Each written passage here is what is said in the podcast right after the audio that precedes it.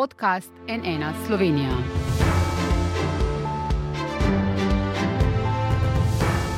Dobro dan, to je NN studio. Kaj brati v času, ko nam zmanjkuje potrpljenja? Kaj naj berajo otroci, da bodo gradili svet, ki bo boljši od zdajšnjega? Zakaj moč satire upada in če je humor rešitev, zakaj smo postali tako občutljivi? Iz česa se sploh še lahko šalimo? Z mano je človek s črkami, pravi si tudi krutilec besed, Boštjan Gorenc, pižama. Dobro dan, dobrodošli. Dobro dan, lepo zdrav. Ko ste prevajali knjigo Dobra znamenja, ste med drugim bolj podrobno študirali tudi staro slovenščino, znate brati Bohoričico, celo v predstavi Reformatori, v bistvu upodabljate Adama Bohoriča, brali ste Dalmatinovo Biblijo, časnike iz 19. stoletja. Pa me zanima, kako bi takratni časniki v tistem času poročali o sedanji situaciji v Sloveniji? Jo, mislim, da bi bili predvsem uh, rahlo še zmedeni, kar se tiče določenih uh, znanstvenih uh, vidikov uh, epidemije. Ne? Bi se mogoče še spraševali, kaj smo storili, da je nad nas ta šiba božja prišla ne? in da se črna smrt skozi naše kraje sprehaja. Uh, Vredno je ta zga, pa glede na to, da se je tudi v slovenskem časopisu, vsaj pa proti koncu uh, 19. stoletja, tej periodiki že znašel tudi nek tak zelo močen in jasen eh, razkol na uh, dva pola, je vprašanje, koliko bi se vse skupaj razlikovalo od današnje podobe. Seveda, eh, v osnovi so politični sistemi neprimerljivi, ne takrat in danes, ampak. Kako bi recimo takrat zapisali, da je predsednik oziroma šef države, kdorkoli je pač na čelu, razpisal volitve in da se je začelo predvolilno obdobje, v katerem bomo zobali bombonjere, brali basni in spremljali medsebojno zmerjanje? Uh, in, v zop, in v zopet bomo vsak dan uh, eno ali uh, dve koči polni najprvovrstnejšega hlevskega gnoja lahko odvažali. Odnos te vlade do kulture je precej pod drobnogledom javnosti, lahko bi rekel upravičeno. Predsednik vlade pod vprašaj postavlja delo nevladnih organizacij, kulturnih društev.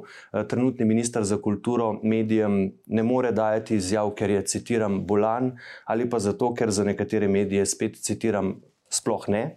Kakšnega ministra si želite vi, kaj mora biti njegova prva zadolžitev?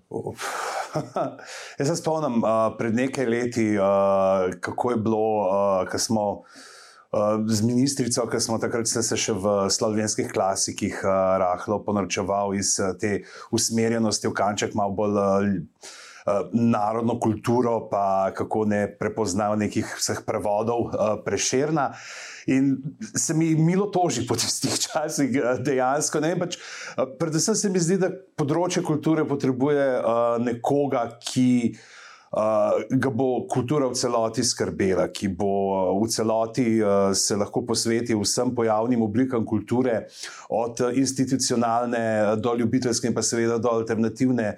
Oziroma, nekih neinstitucionalnih oblik, kjer pravzaprav vemo, da je največ nekega uh, ustvarjalnega brbotanja in kjer pravzaprav prihaja do največ nekih inovacij. Ne? Se pravi, da, imamo, uh, da ne skrbimo samo za to, da zdaj pa je neka tradicija ne? in da to ohranjamo pri življenju, ker če se gremo na to, pa res tako samo še.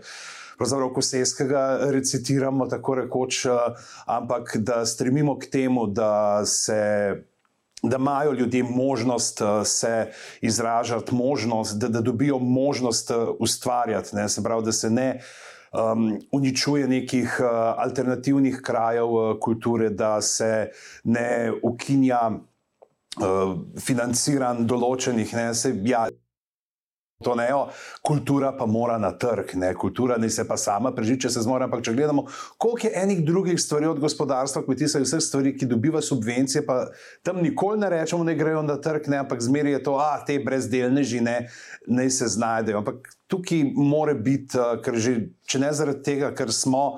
Uh, Tukaj sovražim to besedo v tem kontekstu, trg, ne, dvomilijonski trg. Pač smo, uh, dva milijona ljudi, eh, ki govorimo slovenščino na tem prostoru, in uh, takoj, ko gre za neke ne povsem, uh, rekel, mainstreamovske, ne, se pravi, uh, stvari. Že kritične mase ni. Ne? Se pravi, recimo, ne, če si ti, uh, pa recimo zdaj, če gledam iz nekega svojega polja komedije. Ne? Recimo, če si ti en tak zelo nišen komik uh, z nekimi, ali so zdaj to neke gikovske stvari, ali je to nek uh, mračnaški, uh, bi rekel, mogoče malo ljudomrzen humor, karkoli, pač boš ti na angliško govorečem področju, je toliko nekih ljudi, ki jih to zanima, da boš lahko tudi s tem. Uh, šel čez, medtem pa pri nas pa ki je pa potem, potem zelo nišna stvar, pa imaš 100-200 ljudi, ki so sicer. Uh, imamo pa takih komikov, ki so največji fani njihovi, ampak ne morejo pa dobiti, uh, bi rekel, večjega ciljnega občinstva. Ne. In preživeti na trgu. Ja. Uh, sodelovali ste v Rovstih, to je oblika komedije, mm. kjer gre za skupinsko žaljenje, zmerjanje. Na žaru so pekli tudi predsednika Pahorja. Uh, koga od politikov bi vaše nujno še morali in pa pod vprašanje, ima to sploh smisel, glede na to, da se v bistvu na žar dajo že sami vsak dan med sebojno. Ja, uh, Jeffrey Ross, ne, uh, en od teh najbolj legendarnih roasterjev iz Comedy Central in iz ameriške. Uh, komične scene je pisal knjigo o rostih in je dal naslov I only roast the ones I love, se pravi, rostam samo tiste, ki jih ljubim, ki jih imam rad. Pravi, Imamo tle že osnovno težavo. Je že tle ta težava, pravzaprav se mi zdi, da ja, ker to je neka zelo specifična uh, forma, ne, kjer se pač vsi, ki se podajo, to strinjajo s tem, da bodo poslušali šale na svoj račun, da bodo šale tudi zelo nizko pod pasom letele, ampak ker gre pač za neko obliko, uh, ne, si reče v redu, lahko. Ne, uh, In uh, koga pravzaprav, ja, tukaj bi mogoče potegnil ne toliko žaro, ampak mogoče satiro. Ne? Še eno usporednico, ker imamo, um, seveda, politiki so stalno na uh, nekem tnalu satiričnega humorja, kar pa nas zdaj uh, genialno delajo, pač in Magodar so danes, pravzaprav pa tisti pa. Uh, Uh, kaj dogaja, ne, kjer uh, Artač, pa zadnji ekipa uh, Igorja uh, Bračiča, pa Jurita Karasa in še ostalih komikov, ki so tam. Uh, satira ne, od nekdaj je bila to pač nastavljanje ogledala. Uh, vladajočim. Ne? Se pravi, ti pokažeš, kaj je, in da ljudje pa rečejo, um, moj bog, ne pa res oni delajo te bedarije, ne, dejte se vi malo zamisliti, in pa se oni mogoče celo malo zamislijo. Ne? Recimo na ta način je sta bila tako John Stewart kot uh, Steven Colbert s Colbert Reportom pa Daily Showom uh, pred desetimi, petnajstimi leti že uh, zelo aktualna. In, ampak ena stvar pri satiri je za satiro, da deluje. Rabaš ljudi, ki imajo nek občutek sramu, oziroma občutek odgovornosti za lastna dejanja. Če pa te pravzaprav vse za to, kaj počneš, vse, kaj si drugi mislijo tebi, greš naprej. Je pa pravzaprav satira vse skupaj nekako bolj blažal žega. Zdravo, mi si v njih dve sveči malo na vrat dajemo, pa si rečemo, hoho, ne, smo poštekali, kaj je narobe, ampak sprememb pa ni. Ja, v bistvu o tem bomo še v nadaljevanju govorili, ampak Če se vrnem nazaj k rovstvu predsednika Pahorja, tam se je v bistvu videlo, da je bilo vse skupaj zelo kontrolirano. Ne? Vem, da so morali takrat nekatere šale tudi nekoliko prilagajati, ampak ravno voljivci, eh, eh, torej nosilci oblasti, morajo, so dolžni prenesti več kritike, tudi želitve, potem pa na koncu vidimo, da je ravno tam potem roast najbolj kontroliran. Ja, mislim, to so vsi ti roasti, ki so bili te celebrity, se pravi, roast, zvezdniški roasti, uh. -huh. ne so uh, veliko bolj, uh, bi rekel. Ja, scenaristično, uh, nekako malo navajati, kot takrat, ko gre uh, samo za koga. Pa se mi zdi, da tukaj je mogoče mečkan slaba analogija, zaradi tega, ker se mi zdi, da vse en more uh, nekako komedija, tudi satira, da z, lahko deluje brez nekih vulgarnosti, ne? da imaš. Uh, Se pravi, da ne gledamo samo v okviru rosta, ampak na splošno, kako uh, satiriki postopajo. Ne? Ker se, če gledamo, ne, uh, to sta te dve stvari, ki pravijo, pač smeši uh, tisto, kar nekdo počne, ne tisto, kar je. Um, je že tukaj pri samih dejanjih ljudi, toliko enega politikov, toliko enega materijala, ki se ga da uh, porabiti. Ampak. Uh, Po svoje je zelo težko tudi, da danes delati satiro, ker ne moreš dejansko nadkriliti dejanskih politikov. Pač mislim, ti se lahko spomniš neko bedarijo. Rečeš, da to bo pa šala, in potem čez dva dni oni naredijo nekaj še hujšega, nekaj še bolj nezaslišanega. Si rečeš, kaj ne zdaj s tem. Mm -hmm. se, če, se, ne, če bi danes. Recimo... Žirajo vam kruh v bistvu na nek način, ne s tem. Ja, se, tako. Uh, oziroma, uh, lahko gremo pravzaprav samo še v absurd. Se pravi, mm. da vsa komedija postane nek uh, absurd. Ampak vi pravite, da v svetu, kjer ni več sramu, kjer nihče ne prevzema odgovornosti, se tudi moč satire zmanjša. Kako mm. konkretno se to vidi pri nas? Ja, tukaj vidimo, pravzaprav uh, se mi zdi, da ta, pač, ni, ni odgovornosti. Ne? Pač, ti plasiraš neko trditev, za katero že v štartu veš, da ne drži, ampak jo trobiš, trobiš, ponavljaš. Ne, uh, tvoja. Uh, tvoji oddajniki, ne, pod, lahko poddajniki, ne, so podaniki, ki so uh mhm. -huh. oddajniki, ne, jo širijo naprej, se ne zmenijo za argumente in uh, ne moreš priti zraven. Ne, ne moreš priti zraven. Nobene se mi zdi tudi za. za Uh, nekako dojemanje subtil, neke subtilne satire, moš tudi uh, imeti v sebi nekaj, da lahko spoznaš, zaznaš uh, nekaj uh, kar ni robata, lopata, pa hrbet, ne, s katero dar, ampak da znaš uh, razpoznati tisto drobno mesto v boda, kjer uh, elegantno špikne. Zelo vas zanima etimologija, zakaj so neke besede, mm. odkot izvirajo, ne, kako nastajajo. Zakaj se reče, da politiki sedijo rožice? ja, ne vem, mislim, da je zaradi tega, ker je bilo leta uh, 1914, uh, so imeli tam le eno nivo, ne, svetlično gredico. Pač, uh, gre dejansko za uh, frazem, ne, govori kot bi rožice sadil. Ne, se mhm. pravi, da so vse njegove besede lepe, nežne, uh, se razbrstijo, ampak. Uh, vsi vemo, da kaj se skriva pravzaprav. Ne? Da te rožice, ki jih hočeš pareti, pa skriva, ki jo kar veliko trnja, pa se zdi, da so tudi pognojene, kar eh, zelo smrdeče. Uh, ukvarjali se. Večkrat sem videl, da, ste, da vam je zanimiva beseda opehariti, odkot uh mhm. -huh. izvira, ne, ko so ženske včasih skrivali v bistvu pehar, uh, kot da so noseče. Kot da so noseče, ja. ja iz pač. tega izhaja, mene zanima, nas politiki opetnajstijo ali opeharijo? O, mislim, da glede na to, kaj se zdaj dogaja, da so številke že v stoticah ali pa tisočicah, no, da te 15 so že zdavnaj za nami. Odkot pa v 15 ti izvira? O, bog, tega pa zdaj iz glave ne bom vedel. Krat sem gledal, ampak se je v tem navalu vrve že v glavi podatek nekje izgubil, tako da raj ne bom, da nam kakšnega kozla ustrelil. Uh -huh. uh, imate status samostojnega podjetnika je zelo tanka meja med tem, da imaš premalo ali pa preveč dela. Ne? Kako zelo morate paziti, koliko si tega dela naložite, oziroma kako se ga potem razporedite, da vas ne, ne požre, po domače povedano. Jaz sem to srečo, no, zadnjih nekaj let že prej bilo, da sem prišel v položaj, kjer mi se mi ni bilo treba tresti ravno čez vsak dan.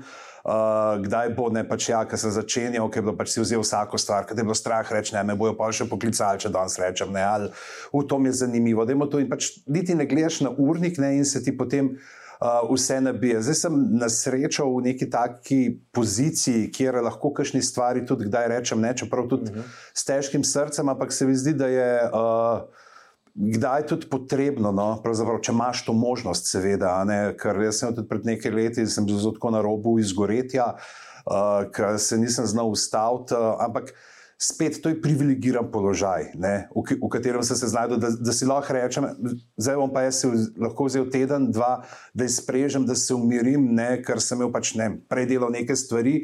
Uh, Večina ljudi, ki pa dela v kulturi, pa se zdi, da nima tega. Ne, ne moreš reči, zakaj pa to prekurjen, da je v zemlji en mesec, vse ne gre. Ne. Sploh, če gledamo zdaj zadnje dve leti, uh, kako je bilo z umankanjem vseh prireditev. Ne, in spet pač mi, ki smo spredi, ki smo na odru, smo se tudi drugače znašli. Pač, okay, jaz sem to srečo, da pišem, da prevajam, sem šel v to.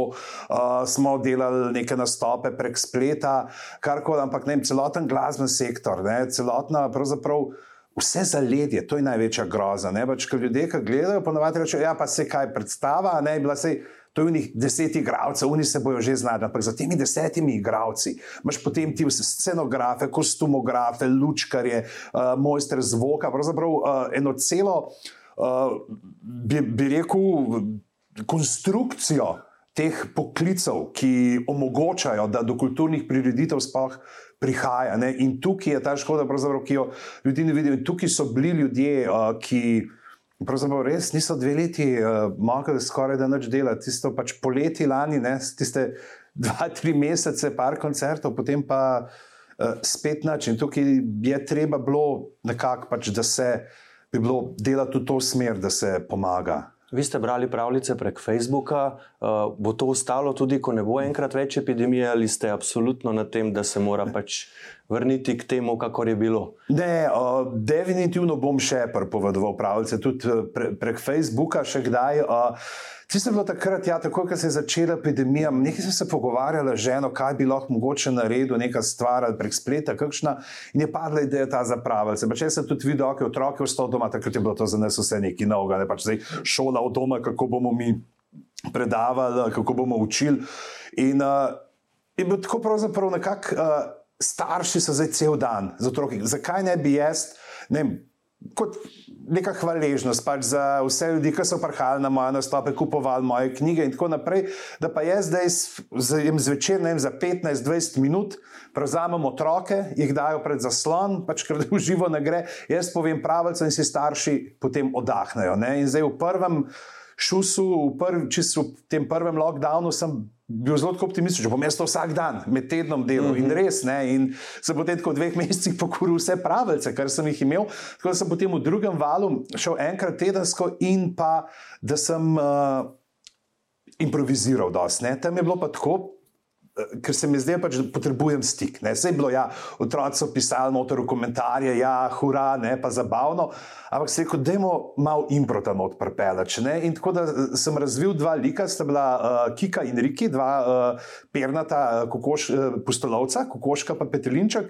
In potem sem otrokom dal na voljo, kaj bi počeli. Ne? In sem izbral iz njihovih predlogov in naprej potem njihove stvari, ideje, ki so mi jih vmes pisali, komentarje, uklapljal v zgodbo, kar jim je nekako služilo tudi kot dosti pisateljski trening, kako iz tistih stvari, ki jih namečajo. Ne, kako pravzaprav potem skušati čim več teh niti, ki se jih upleto na koncu, dati v ta zaključni vozel, ne, da se vse lepo uh, izide. In zdaj se z nas zgodi, mislim, da se bosta mogoče Kika in Riki tudi uh, zaživela uh, v kakšnih malo bolj strukturiranih uh, pravljicah, obenem pa bojo tudi še uh, kdaj kakšne take uh, spletna pripovedovanja prišla na vrsto. In tu očitno vam izkušnje iz Improlige pridejo zelo prav. Uh, ste zvezda med otroki, zaradi vas je obisk šolskih knjižnic večji, vam menda sporočajo z terena knjižničari, uh, ste referenca za otroke, vedo, kaj ste prevedli. Uh, je to največji čas za vas, da ste v bistvu vi? Boštjan Gorenc, pižama, del njihovega otroškega vesolja.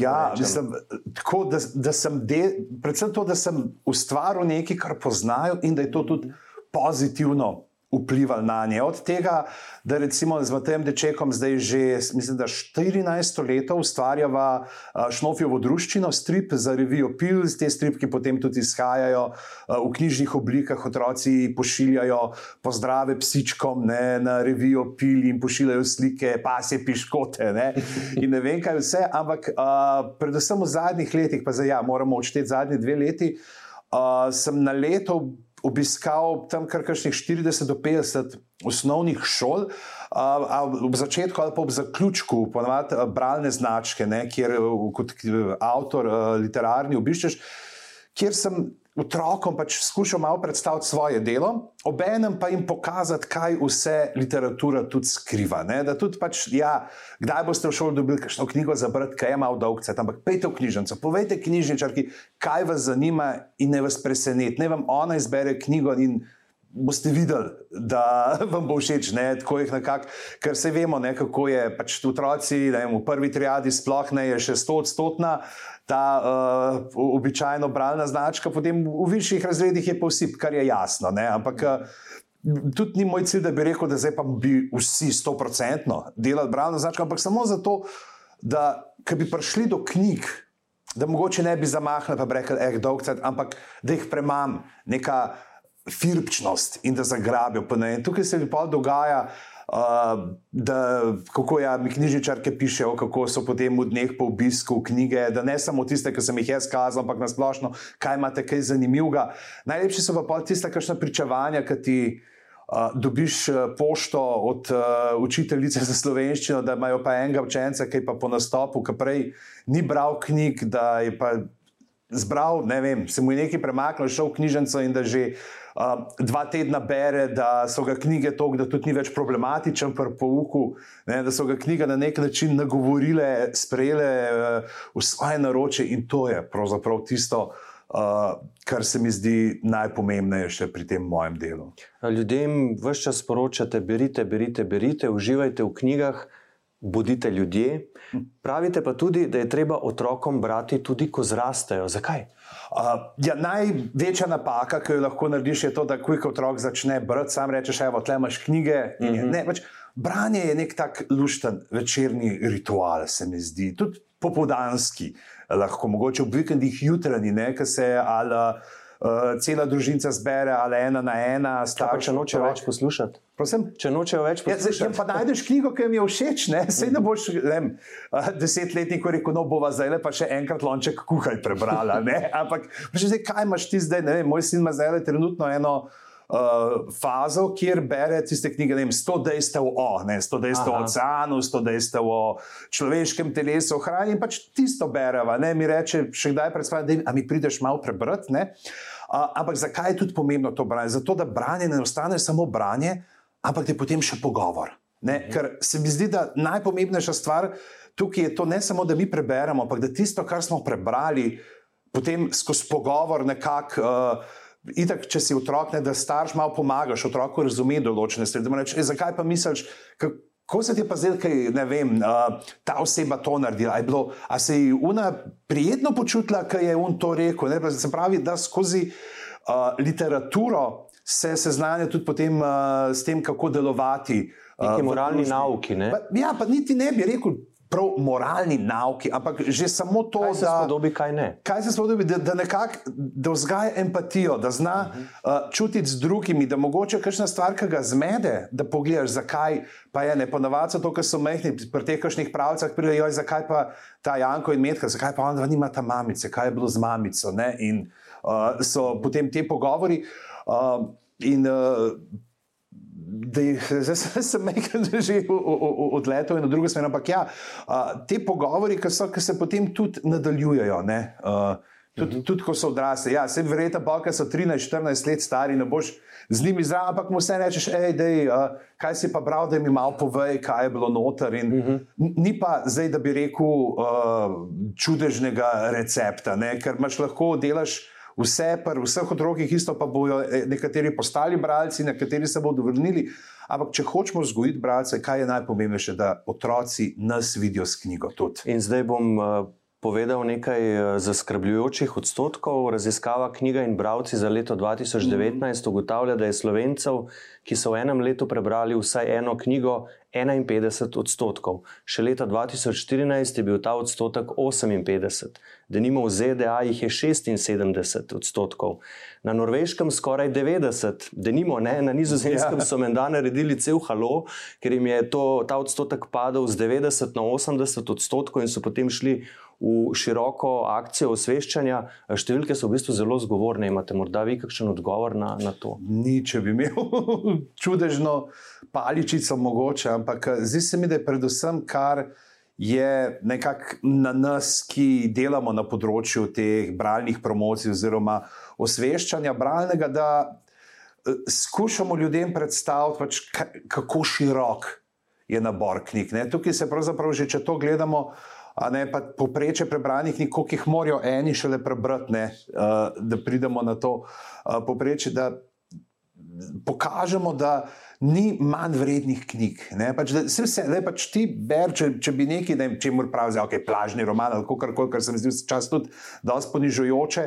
Um, ne, važno je, da se bere, ker potem ne vem, boš. Nekdo prebral 50 romanov, takih, ugotovil, da so po istem kopitu, bi pa mogoče šel kaj. Okay, uh, zahtevnejšega še brati. Ne? Ampak tukaj pa moramo misliti, da ne moramo imeti tega tudi med, med odgovornosti uh, založb, za to, da izdajajo Uh, jezikovno neoporečne knjige. Pa zdaj ne pravim, pač, ja, da mora biti vse samo knjižno. Ne, pač itak so, uh, sploh v sodobni literaturi, uh, so te je preklapljene med registri, imaš nareče, imaš pogovorni jezik, slang, uh, karkoli.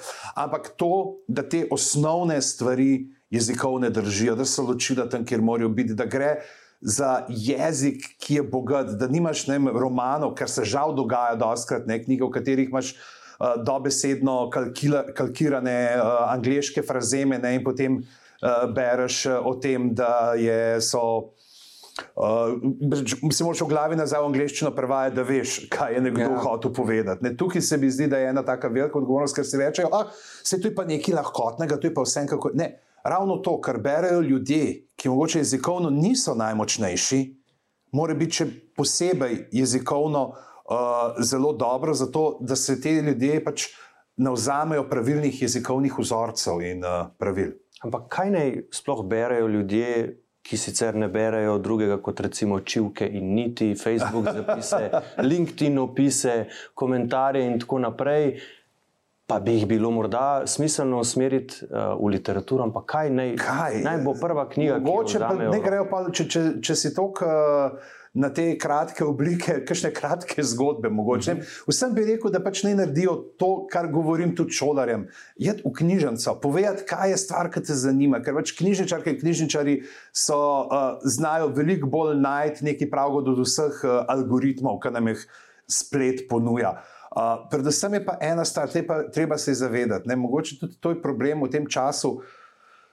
Narediti ta preskok iz uh, družabnih omrežij nazaj na knjigo, ne? ker uh, pač družabna mreža nas filajo uh, serotoninom, ne? pač pa s hitrimi menjavami pozornosti. Ti, prebereš na slov, uh, nekaj novega sem zvedel, pogledaš kaj, uh, nekaj novega sem zvedel, ne? in imaš ti skozi te šuse, novo, novo, novo, novo, si vesel, kaj zajček v reklami za baterije že poskakuješ. Ampak pa ne po eni uri tega branca, če se jaz sploh kaj zapolnim, a se sploh kaj, ne, pač ker je vse samo to šopanje um, nekih držljajev, medtem ko knjiga, ne, knjiga pa zahteva od tebe, da se ji pa posvetiš. Ne, pa da, te, in, in tudi meni se doskrat že. Nekaj krat zgodil, ki je obdobje, ki ne zaradi tega ali drugega uh, ne berem ravno. Ne, in potem, ko se vseješ po tednu, dveh, spet, ok, danes imamo pa prvo šel uh, neko knjigo da po eni strani ti začne oči kar begati, se kar čak, kam bi pa jaz zdaj preklikal, kam bi pa skočil. Ne? In ravno zato so knjige tudi dobre, ker nam v tej poplavi držav.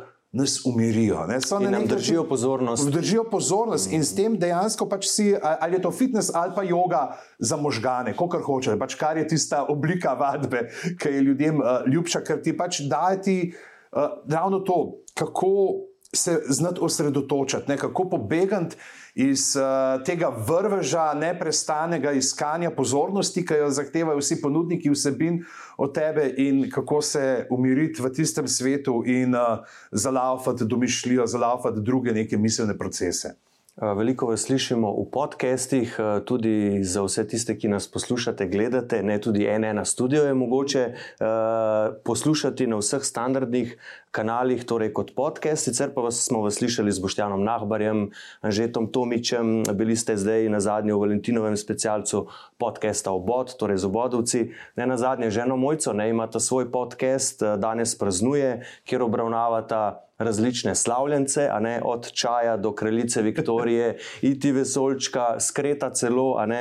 Kako izbirate te slavljence in kdaj bo tretja sezona? Uh, ja, to je spet en teh produktov uh, lockdowna, ne? kako uh mhm. -huh. si nekako zamotati, kako nekaj narediti. Ampak vemo, oba uh, z mojco sva zelo tako rada brskava za kakšnimi takimi uh, zanimivimi dejstvi, za uh, bizarnimi novicami. In je, je na neki točki, ki smo tuhtali, kako bi to mogoče res spravljal v neko obliko, uh, da bi pa mogoče ne delila te stvari še naokoli. In mojca prišla na to idejo. Pač, Máš polno teh nekih svetovnih dnev, imaš svetovni dan koruze, svetovni dan uh, školjk, svetovni dan kozero, karkoli. Mm -hmm. In ja, kaj če bi imela ne, pač tako, da si vsakič izbereva enega slavljenca in potem kaj vse najdeva o njem. Ne? Zdaj je to stvar, oseba, pojem, karkoli.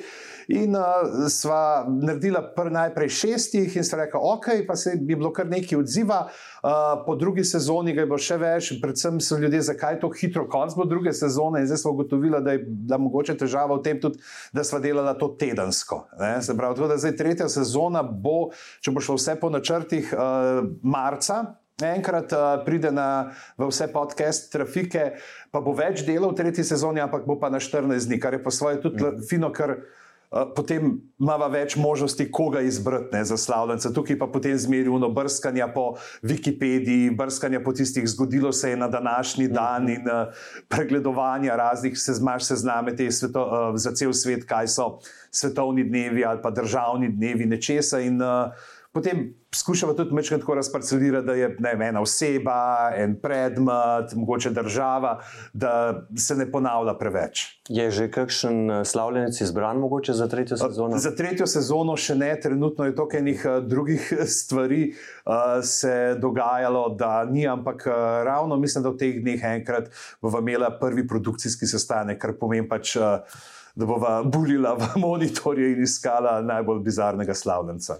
Uh, pop kulturo spremljate zelo radi, trenutno je zelo popularna igla, igra Wordle. Ja. Za tiste, morda, ki ne poznate, eh, bi bilo tu na mestu, da razložim. Torej, imamo šest poskusov, pet črk, torej beseda iz petih črk. Če zadanemo pravo črko na pravem mestu, nam je obarva zeleno, mm. če je prava črka na nepravem mestu, je obarva rumeno. Če ni nič od tega, je potem belo in imamo šest poskusov, da pridemo do tega. Ampak mene zanima, glede na to, ne, da, da ste študirali, želeli ste postati profesor angleščine, vam, že, vam gre bolje originalna igra World ali slovenska različica besedel ali besedle? Uh, najbolj mi gre matematična različica UDL, zaradi tega, ker je važno, da najdeš. Uh, dva faktorja za množenje, ta nota prava. Uh, čisto odvisno, kdaj se mi zdi, da znam pri angliški celo malo preveč komplicirati. Da kakšne, se mi zdi, da se ta pa preučitna, ta pa mogoče ne bi bila. Aha, in potem je. in potem je.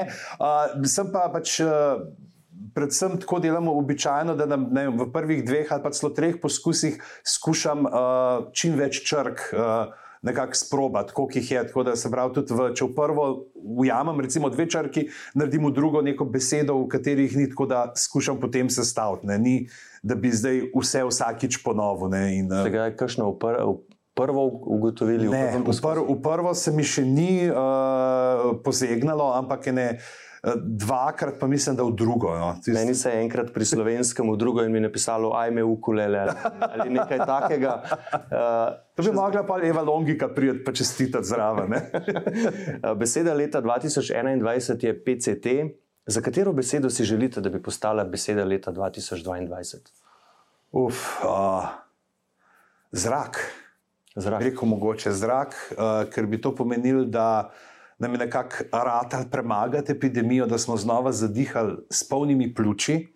Uh, in pa ob enem zrak je tudi uh, neko svobodno dihanje, da bi mogoče to neko težko družbeno breme, ki ni obremenjeno samo uh, z epidemijo, ampak tudi uh, z drugimi nekimi političnimi pritiski, da odpade in da vsi skupaj zadihamo malo lažje, malo bolj vedro, da se mogoče znamo tudi sprejemati malo drug drugega, bolj biti človek en z drugim. In če, rekel, zdaj, če sem že pri zraku, če nekdo diha na malo drugačen način od tebe, da ne skočiš takoj na njega, ampak če jim človek do tebe, da si tudi človek do njega. Predvsem, ker ne krade tvojega zraka, ne ja. se ga, ga imaš povsem dovolj, pa bo vas to željo lepo zaključila. Boštjan Gorenc, pižama, najlepša hvala za obisk na NN. Hvala.